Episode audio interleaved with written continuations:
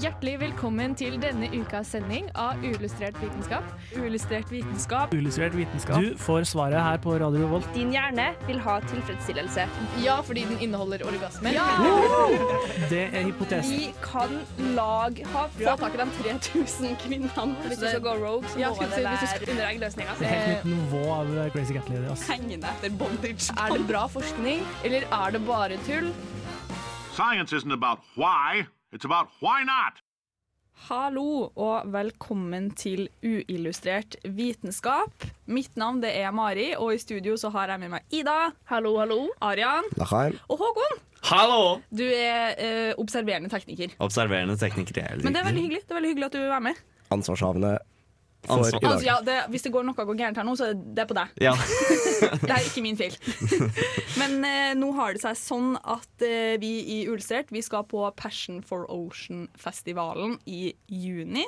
Og med det så tenkte vi hva passer vel bedre da enn å ha en episode om havet. Og dyphavet, da, spesifikt. Eh, og med det så har jeg et spørsmål til dere, Ida, Arian og Håkon. Eh, og det er når tror dere at miljøbevegelsen starta i USA? Oi. Damn. Kan det ha vært sånn eh, under hippietida på Når var hippietida? På 60-tallet? Ja, I Ja, USA, sa du? Ja, i USA. Det må ha starta tidligere enn det, tror jeg. Ja, men USA henger jo sånn 50 år bak på alt. Altså, jeg, jeg, altså USA er jo kjent for å henge langt bak. Altså, jeg, jeg vil nok si at det starta sånn på 80-90-tallet, egentlig. Ja, men Ida har faktisk ganske rett når du sier hippiebevegelsen og sånne ting. Damn. Eller jeg vet ikke om det starta spesifikt der, men veldig mange ting starta der. Eh, men 60-tallet er jo riktig, da. Og det var blant annet på grunn av en amerikansk eh, marinbiolog. Som Ok. eh, kalles for uh, Hva heter hun?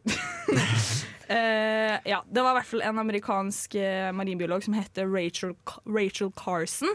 Okay. Og hun var da uh, utdanna og ansatt havbiolog i staten, an, i den amerikanske staten, eh, Ok. på 60-tallet. da. Og hun skrev en bok som heter for Silent Spring, og den eh, kasta da veldig lys på miljøbevegelsen, og da blant annet eh, marinbiologiske tema. Oi. Mm. Det høres ut som USA likte den perioden veldig godt. Ja. Nesten sånn at de vil gå tilbake og reversere Rowan Wade. Indeed, indeed. Så vi skal snakke om dyphavet i dag. Vi skal jo innom eh, diverse ting. Eh, men før det så skal vi høre en låt, eh, og den låta heter for Se frem av Anakin Justin.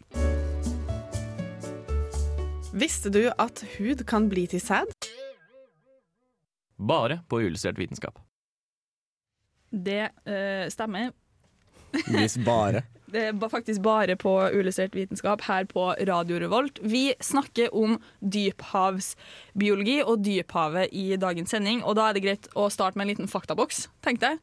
Generell fakta om eh, dyphavet.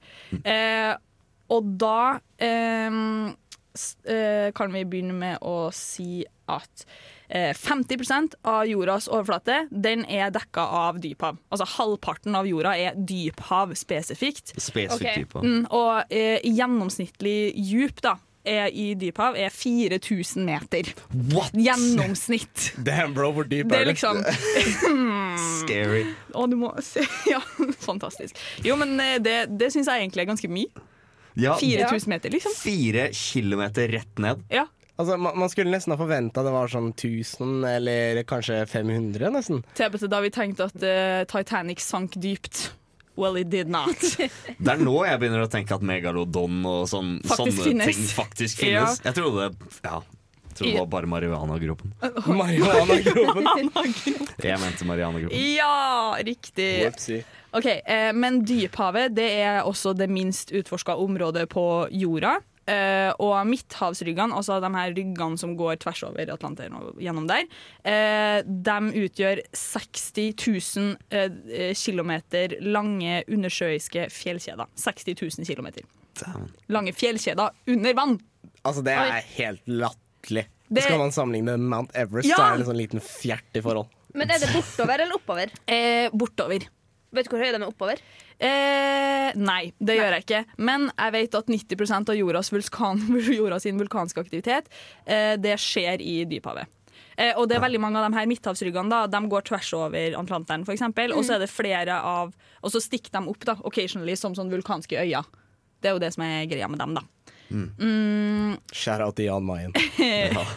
den ene vulkanske øya vi har i Norge, er den fortsatt norsk? Aner Ja. ikke.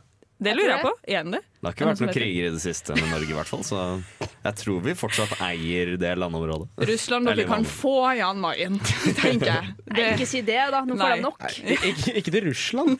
hvem, vil vi, hvem skal få Jan Mayen? Altså, Det må jo være Macron som sånn seiersgave.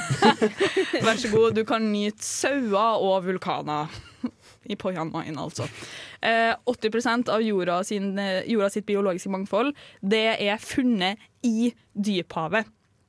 Eh, og da er det estimert med opptil 20 000 millioner ulike arter.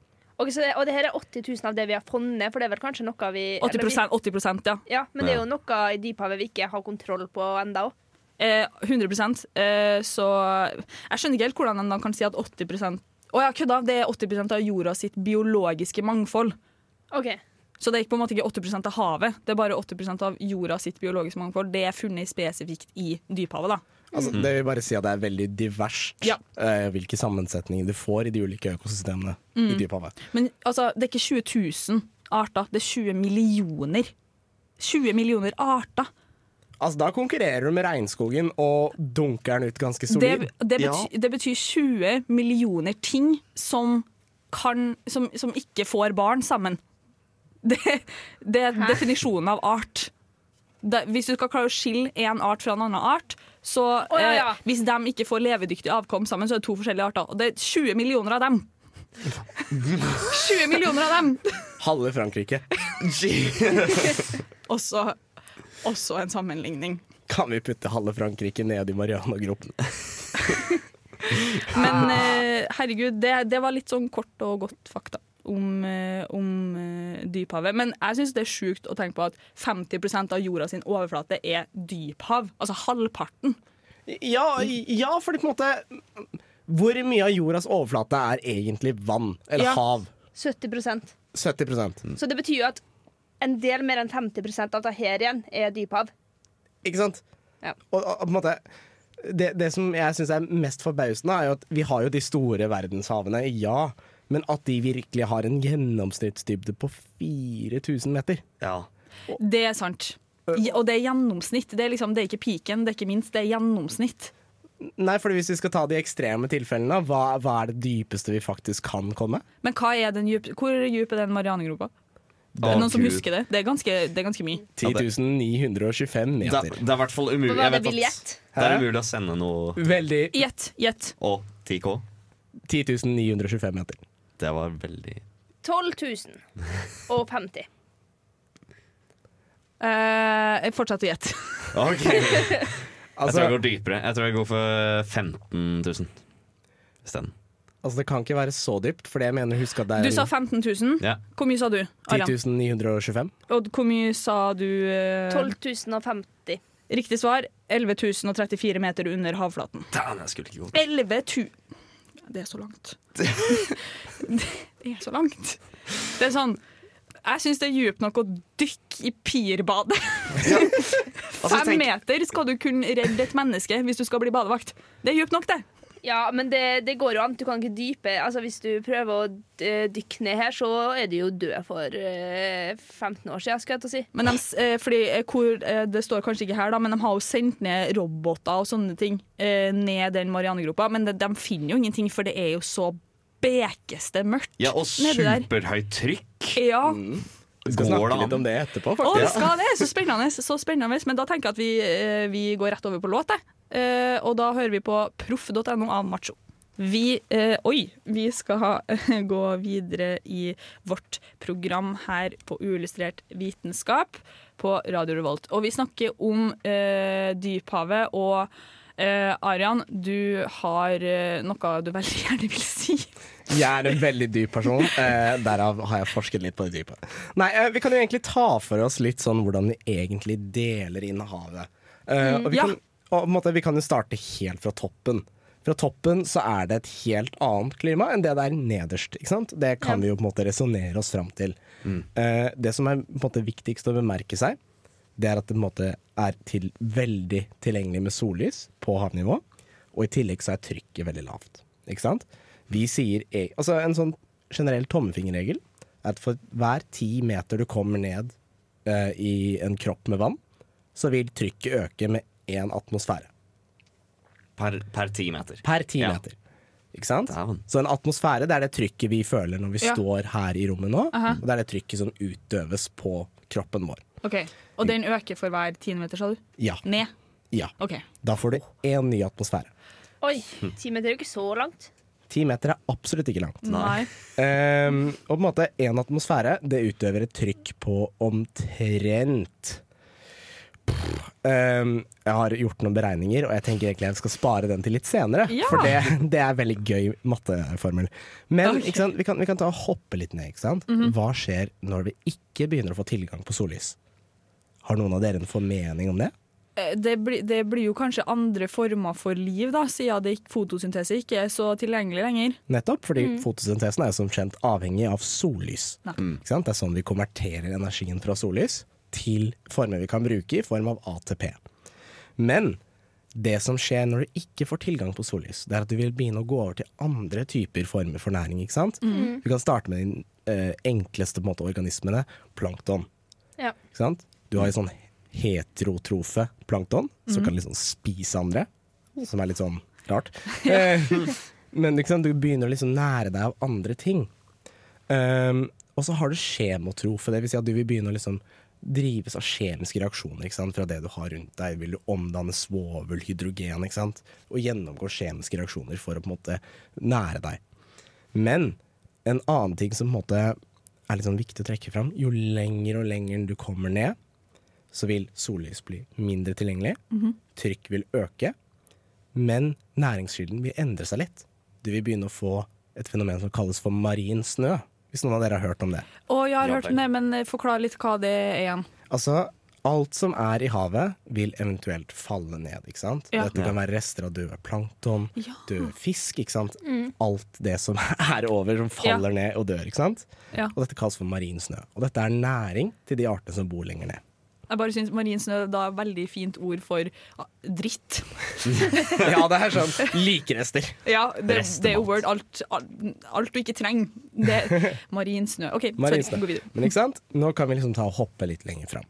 Hva skjer når du ikke får med sollys? Dette skjer under 1000 meter, ikke sant? forbi det som vi kaller the twilight zone. Da kommer vi inn i midnattssonen. Da er det alltid mørkt. Ja. Ikke sant? Og vi tenker at i den grenseområdet mellom twilight-sonen og liksom eh, de områdene hvor det er sollys, så er det enorme fiskereserver. ikke sant? Til 1000 meter så er det enorme fiskereserver vi på en måte ikke har nok kjennskap til og ikke har interagert nok med. ikke sant? Og dette er noe vi må få mer kjennskap til, for det kan ha mye å si for økosystemet. Dette skal vi komme litt tilbake til senere. Ja.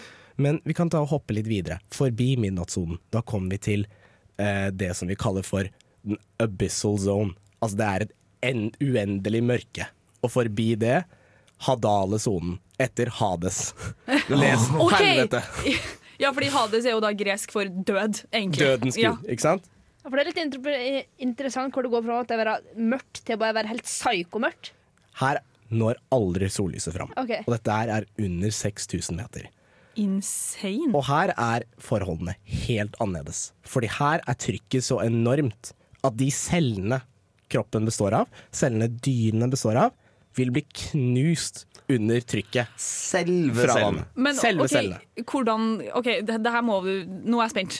Altså, trykket er så enormt, Ja. så cellene er bygd litt annerledes, ikke sant? Ja. På innsiden av en celle har du mange ulike proteiner, strukturelle eh, og, og på en måte funksjonelle, men du har også en sånn uh, lipidmembran, ikke sant? Ja. fettmembran som omslutter den. Eh, hos disse organismene som lever under 6000 meter, så er det tilpasninger. Altså Fettsyrene er umetta, dvs. Si at de har en bedre strukturell integritet for å kunne tåle trykket. Og i tillegg så har de enkelte proteiner som holder trykket inne i cellen større enn utsiden. Men åh, det, øh, jeg blir imponert. Og for å si det sånn, på det nivået der så er omtrent trykket per, kub, for per kvadratcentimeter tilsvarende 100 brannbiler. Men da, men, da skjønner, ja, men da skjønner ikke jeg hvordan noe så lite kan være så solid, da. Altså, det er fordi mesteparten av innholdet er vann, men det er veldig kompakt, for du har mange ioner, mange salter, mange stoffer inni, som øker på en måte massetettheten. Ja, for jeg lurte på nesten ja, Jeg skulle til å si muskelvev, men så kom jeg, som liksom trakk det sammen. Men muskelvev består jo gjerne av celler. Ja, Så- ikke? Men men måte, det som måte, kanskje er mest kult for oss å vite, da, er at vi har jo utforsket alle de fem verdensdypene. Ikke sant? Five Ja, Deeps-ekspedisjonen. Mm. Og det lengste vi har kommet ned, er 10 925 meter. Så vi har, ikke, vi har ikke vært på bunnen på Marianegropa ennå. Nei, men vi har kommet veldig Vi har nære på Challenger-dypet. veldig, veldig nærme. På Og vi håper at vi kommer dit. Absolutt. Vi håper at vi kommer dit. Eh, Vi håper at du vil like den neste låta som kommer nå, kjære lytter. Det er 'Close My Eyes' av Mallgirl. Hello. Vi er tilbake. Vi er tilbake etter en god låt der, altså. Og Ida. Eh, gjør, nå er det din tur. Nå er det min tur. Eh, ja, eh, nå beveger vi oss kanskje litt opp igjen fra det her dypvannet, da. Ja. Eh, nå, Ja, for nå har vi vært ganske langt ned. Ja. Nå har vi vært på bunnen, og etter en bunn så kommer det en topp. Nettopp. Eh, men hvis vi først begynner med litt sånn introduserende til det stikket, her, da, for jeg skal inn på eh, mat og spesielt tang og tare, men vi kan begynne litt med på en måte å bare se hvor sykt omfattende Det er jo også litt på det du var inne på i stad, Hvor sykt omfattende eh, det økologiske Mangfoldet. mangfoldet i eh, Havet. havet er. Det var helt kaos i hodet mitt. Eh, men i hvert fall. Eh, Det er ganske stort. det er ganske stort. Eh, 95% av leveområdet på planeten er i havet. Oi! 95 Ja, Ja, ja, for det omfatter et så stort volum, altså. Ja og så er det på en måte ikke all Det er veldig mye på Altså Hvis du allerede tenker da at 70 av eh, jordas overflate er vann, eh, og så er det jo ganske mye, så er det bare 30% igjen på selve på måte jorda, Ja, jorda. Og så er det veldig mye som ikke kan leves på. Veldig mye fjell og På jorda, ja. Eller sånn på overflata. Ja. ditt og datt. Stemmer. stemmer. Eh, I hvert fall da, det området her eh, eh, Og det her sa dyreartene eh, er jo alt fra på en måte plankton til hval. Så Ja. veldig store. Altså alt fra mini, mini, mini, mini små Jeg vet ikke hvor mange millimeter en eh, plankton er, men det er ikke, Det er ikke masse. lite.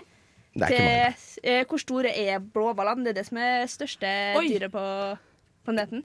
De strekker seg gjerne over et par hundre meter. Ja. Det er så eh, stort! si én millimeter til et par hundre meter, da. Det er stor forskjell. It's a pretty, Eh, pretty difference, yes. Men, ja. Men hvis vi beveger oss litt inn på det med mat, da, eh, så er jo allerede i dag så mettes ca. tre eh, milliarder mennesker primært av eh, mat fra havet. Så det, det er deres primære næringskilde. Men det her kommer mest sannsynlig bare til å måtte øke i og med at eh, flere og flere mennesker Vi blir så mange flere mennesker på jorda. Og mer spesifikt så får vel de tre milliardene menneskene altså mat fra kysten alene, og ikke Ja. selve havet. Måte fordi om inkluderer vi havet, så blir jo det vesentlig mange flere. Ja, for det Og så er det veldig mye som ikke spises i dag, eh, som vi kanskje kunne ha spist. Ja, fra havet, ja. Ja. Mm. Eh, men hvis vi går litt inn på tang og tare, da, som eh, nå begynner å bli litt mer eh, populært Jeg føler det er litt sånn hipster. Jeg skulle og, si Det er kjipt å spise tang. ja, Spise sjøgress til frokost hver dag. spesielt hvis du kan gå ut og leite etter den sjøl og lage egen middag. Da Wow. er det på topp. ass. Da er det på topp. Eh, ja, men eh, i hvert fall. Eh, vil vil dere gjette hvor mye eh, tang og tare som dyrkes for matproduksjon i dag? Det, det er jo Sushi god... er jo populært, liksom. Ja, jeg tenkte akkurat Ja. på det. Det er jo ganske poppis. Og i Asia så spi, jeg føler der spiser de mye tang og tare. Ja, fordi at det er riktig. Det, I dag så dyrkes det ca. 32 eh, millioner tonn. Eh, og det er, i, eh, det er i Asia det dyrkes. Jeg tror det dyrkes typ sånn 11 000 tonn i Norge. Og spørsmålet er jo hvor mange prosent av dem er på Sabrura i Trondheim. Det er et veldig godt spørsmål. Ja, men Eh, shit, ass. Ja, eh, Men så blir det jo mer og mer eh, populært å spise tang. da. Hvor, hvor ofte tror dere dere spiser tang? Eh, det, det er ikke ofte. Det er jo i sushibuffeen, da. Ja, altså på en måte Selv på en vegetariansk diett så spiser ikke jeg det ofte. Nei. Det kan jeg påstå. Ja. Men det som er litt gøy, var at jeg var inne og så på noen kilder, og eh, det er tang i ganske mange ting som vi ikke tenker over at det er tang i. For eksempel i sjokolade og kaviar. Kaviar? Jo, I kaviar. Sjokolade! Sjok Ja, og, ja, enda mer spesielt. Men, men er det ikke Å, jeg har også hørt at det fins eh, eh, Det er sånn De, de har laga ny, nytt mel av tang. Noe som heter tangmel. Eh, men det som er at du kan bare bruke sånn under en tredjedels teskje av det i, i matlaging, fordi at det er så psyko mye jod Ja, i det. At det du får er- overdose, liksom. Jodix no more, liksom. ja. Ja, for det er veldig et godt poeng. Eh, for når de nå driver og undersøker om vi bør eh, dyrke mer tang og tare i Norge Ja. og spise mer av det, eh, så er det også et poeng at veldig mye tareprodukter har altfor mye jod. ja. Og da er de litt sånn OK, men hvor bra er det egentlig, da? Hvor effektivt er det da, på en måte? Ja, Må vi liksom utsette oss for stråling for å nulle det ut, liksom? det er det. Eh, men hvis vi skal ta, nå har vi sagt en negativ ting, så hvis vi bare skal på en måte avslutte med en positiv ting òg, da. Ja. Eh, så eh, det som er positivt med dyrking av tang og tare, at det eh, tar opp karbon samtidig som det vokser. Så ikke bare er det eh, ikke et dårlig på klimaet, det er også bra på klimaet. Torfinn eh, Borchhus fra NRK her. Du hører på uillustrert vitenskap. Nå skal vi høre med en mann som står veldig langt unna mikrofonen, hva han syns om Radio Revolt. Radio Revolt er den beste studentradioen i Trondheim. Jeg hører på det hver dag. Skikkelig bra. Det er skikkelig bra, faktisk. og vi hørte nettopp en skikkelig bra låt som eh, kalles for Too Close for Comfort av Major Oof. Major Oof. Major Oof, helt riktig. Det var et veldig kult navn. Eh, vi har snakka veldig mye om eh, det dypeste dype havet. Eh, vi har snakka litt om eh, det ikkeste dyp... Ikke, dy, ikke, okay. Ikkeste Det dype havet. Ja, ikkeste dype havet. Det, ja, det du sa. Eh, og nå, eh, men nå eh, vil jeg på en måte oppsummere litt enkelt. Hva er det vi har utforska av havet hittil? Vi har jo egentlig vært litt innom det fram til nå. Eh, men litt sånn kort og godt. Vi vet at dyphavet rommer eh, det største kjemiske diversiteten på jorda. Dette fant vi ut ganske fort Ja. eh, når man begynte å forske på havet. Da. Eh, I tillegg så vet vi at det finnes liv på havbunnen. Tross helt ekstreme for forhold i form av f.eks. temperaturer på 130 grader og giftige forhold. Så ja, eh, havbunnen er faktisk et helt sykt toxic miljø. Men, men vet du hva? Takk. Altså, det er jo mange folk som liker toksiske ting, Ja. og det kalles for ekstremofile. ja Som de artene heter. riktig, riktig. riktig. Men eh, vi snakka jo litt om det i stad, at eh, de her eh, midthavsryggene eh, som strekker seg over Atlanterhavet og sånn, eh, på en gjennomsnitts... Eh, dyp, var det ikke gjennomsnittsdybde på 4000 meter? Det er jo ganske dypt, og det er jo gjerne nedi her de her høye temperaturene er, av at det alltid dannes ny, ny fjellrygg da, pga. på grunn av vulkanske miljø. Og til og med her vet vi at det finnes liv. Og det er ganske, ganske ekstremt og sjukt. Eh, og vi vet også at de her habitatene, da, eller områdene der det finnes liv, eh, og livsforholdene på havbunnen, de har potensial til å fortelle oss om hvordan livet på jorda kan ha starta. Eh, som, med andre, ja, eh, som med andre ord eh, så er havbunnen og dyphavet det er et arkiv for jordas historie og liv. Ja, for alle vet jo det at vi gikk fra å være mini-mini Plankton? Ja. plankton til å bli mennesker. Til å bli Platon. Ja, det var ikke gøy. Unnskyld. Jeg, jeg, jeg innrømmer at den var ganske billig. Jeg innrømmer at den var ganske billig. Men Jeg ble eh, bare satt ut et lite øyeblikk. Jeg bare sånn du bare sånn Hva? Hva er dette? Pappahumor på høyt nivå.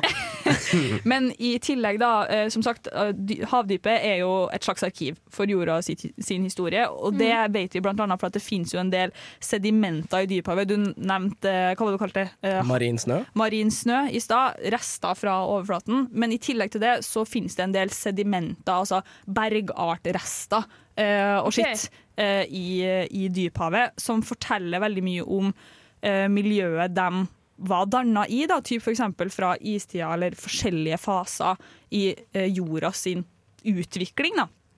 Eh, men det vi ikke helt vet hvordan ennå, det er hvordan man skal tolke de her sedimentene, de her restene fra fortida.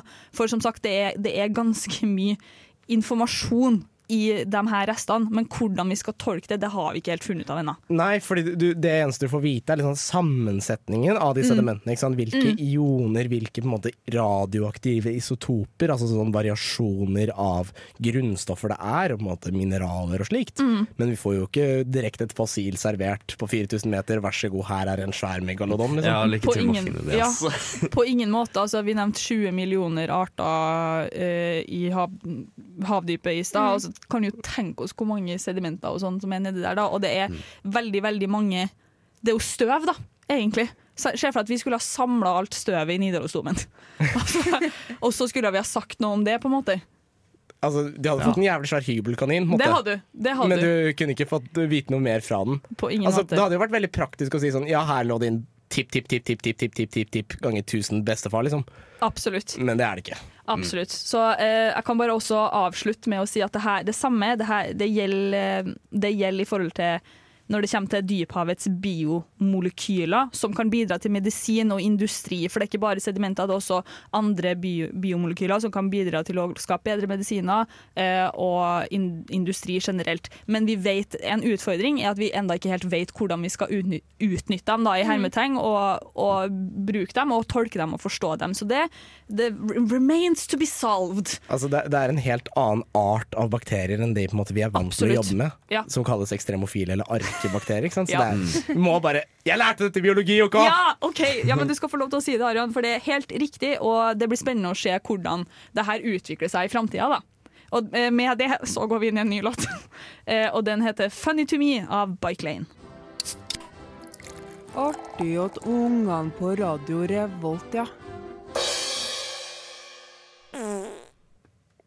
Vi er tilbake her i Uillustrert vitenskap, og vi snakker om dyphavet. Eh, og en ting som sikkert veldig mange tenker på når vi snakker om eh, det store dypet, er koraller.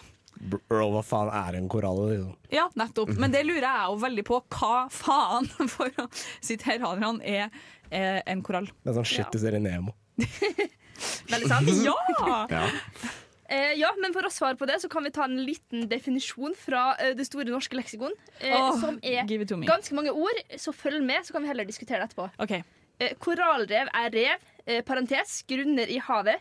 Altså et rev er en, et grunn i havet. Bygd opp av kalkskjeletter. Disse stammer hovedsakelig fra koralldyr, men også andre kalkskall. Hver, eneste, hver enkelt korall kalles polypp, og det eh, lever på toppen av de gamle korallene. Når korallene får egne kalkskall, vokser revet. Ok, Nå hører jeg at eh, jeg har eh, gjort litt om på det her, men eh, korall, eh, koraller er altså eh, laga av kalkskjelett. Men hva i alle dager er kalkskjelett? Er ikke det kalk som f på en måte bare flyter rundt i vannet, lander på disse revene, og så danner det seg opp og bygger seg opp etter hvert? Ja, for jeg tror det er greia sånn som når vi eh, i stad snakka om at eh, det detter veldig mye ned på, fra Marin liksom, snø. Ja, og det som da består av kalk, legger seg oppå hverandre. Eh, og så tror jeg det bygges bare så hardt sammen at det på en måte blir eh, et kalkskjelett. Eh, og for hver gang det kommer sånn en ny polypp, var det det jeg kalte det? Ja. Eh, så vokser det da når de igjen får kalkskjeletter. Ok, så liksom, sånn som jeg har forstått det, da. Uh, det er, altså, kalk har jo en tendens til å mineralisere seg, ikke sant? danne sånn veldig Ja. fine strukturer. Det er det som lar Mm. oss, skjelettet være skjelett, ikke sant? Word. Uh, så på en måte, det er litt sånn, sånn skjelett som vokser ut. Uh, og så forstår jeg det slik at det er noe som bor inni det kalkskjelettet som er selve korallene. Mm. Så jeg antar at det er en form for protist eller bakterie eller sopp eller hva enn du vil kalle det. Og, faktisk ikke rev, som er trist. Det hadde vært veldig pent. men- Oh no! Ja. Det kan jo være det når rev eh, kalk fra reva, da. Men det er jo ikke levende. Det var morbid. Ja, okay. Oi. Det var morbid. Oi. Men også, også er det disse polyppene som er sånn utvekster. Som liksom buler ut, og så vil de på en måte etter hvert mineraliseres og danne nye korallrev. Ja, eller altså nye koraller, og så vil på en måte det komme nye polypper oppå her. Og da bare vil det vokse og vokse. Aha. Men jeg lurer på, eh, for jeg tenker jo bare Great Barrier Reef når jeg tenker på koraller. Eh, Men de finnes, altså, er det bare der, liksom? Det, Eh. finnes, det, det det er i hvert fall det som er størst, da. Ja, eh, nei, men for det er litt interessant. Eh, det, det finnes veldig mange forskjellige typer korallrev, men vi skal ikke gå inn på alle. Men vi kan ta et hovedskille da, mellom tropiske rev og kaldtvannskorallrev. Eh, hvor at, Ok. måte, Ja vel. eh, de tropiske er sånn, sånn type eh, Great Barrier Reef, da.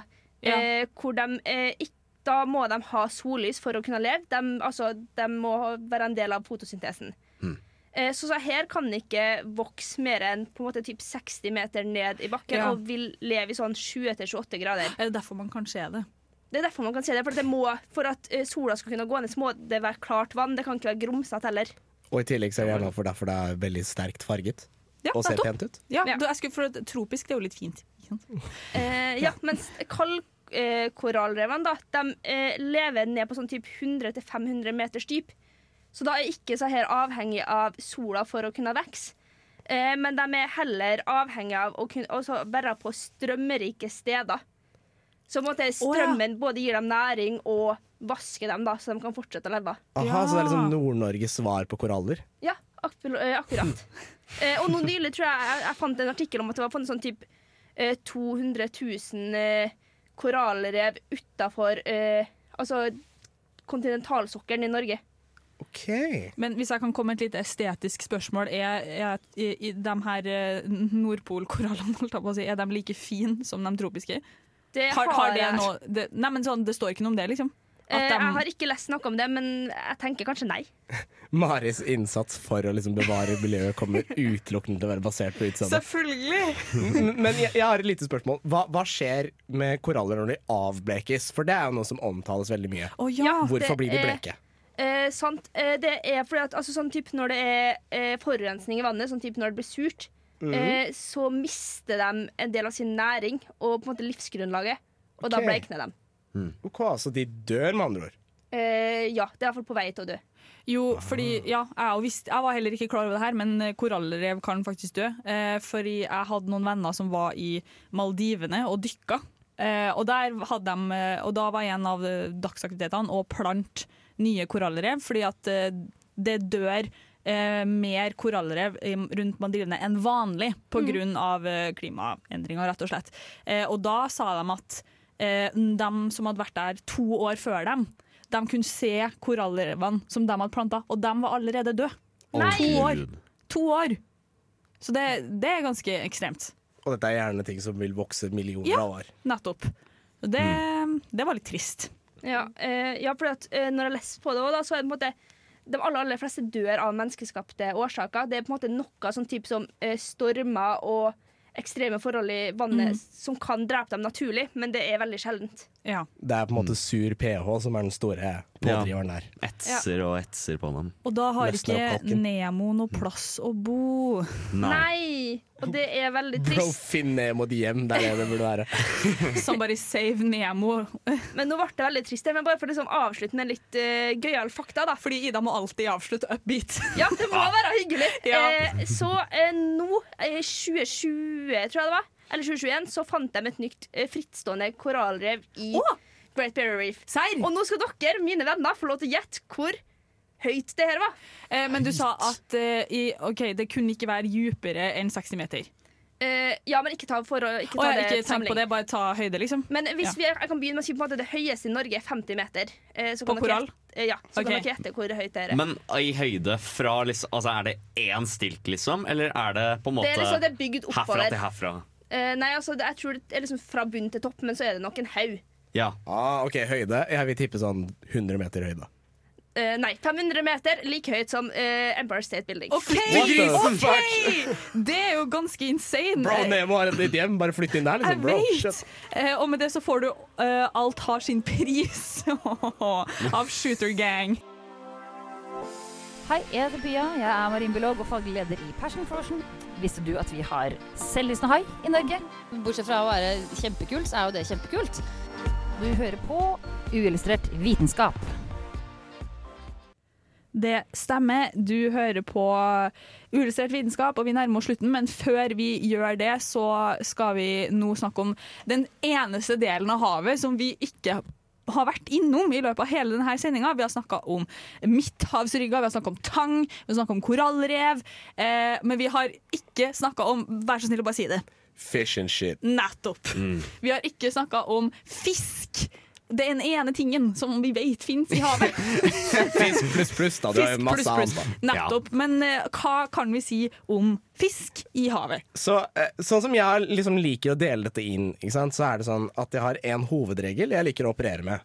Jo okay. lenger ned i havet vi kommer, Ja. jo styggere blir ting. Men det er word, fordi de trenger jo ikke å se hverandre. Nei, nei, nettopp! ikke sant? Det er jo aldri sollys. Så det er ikke noe seleksjon på finhet. Trenger ikke å være sexy da, si. Nei.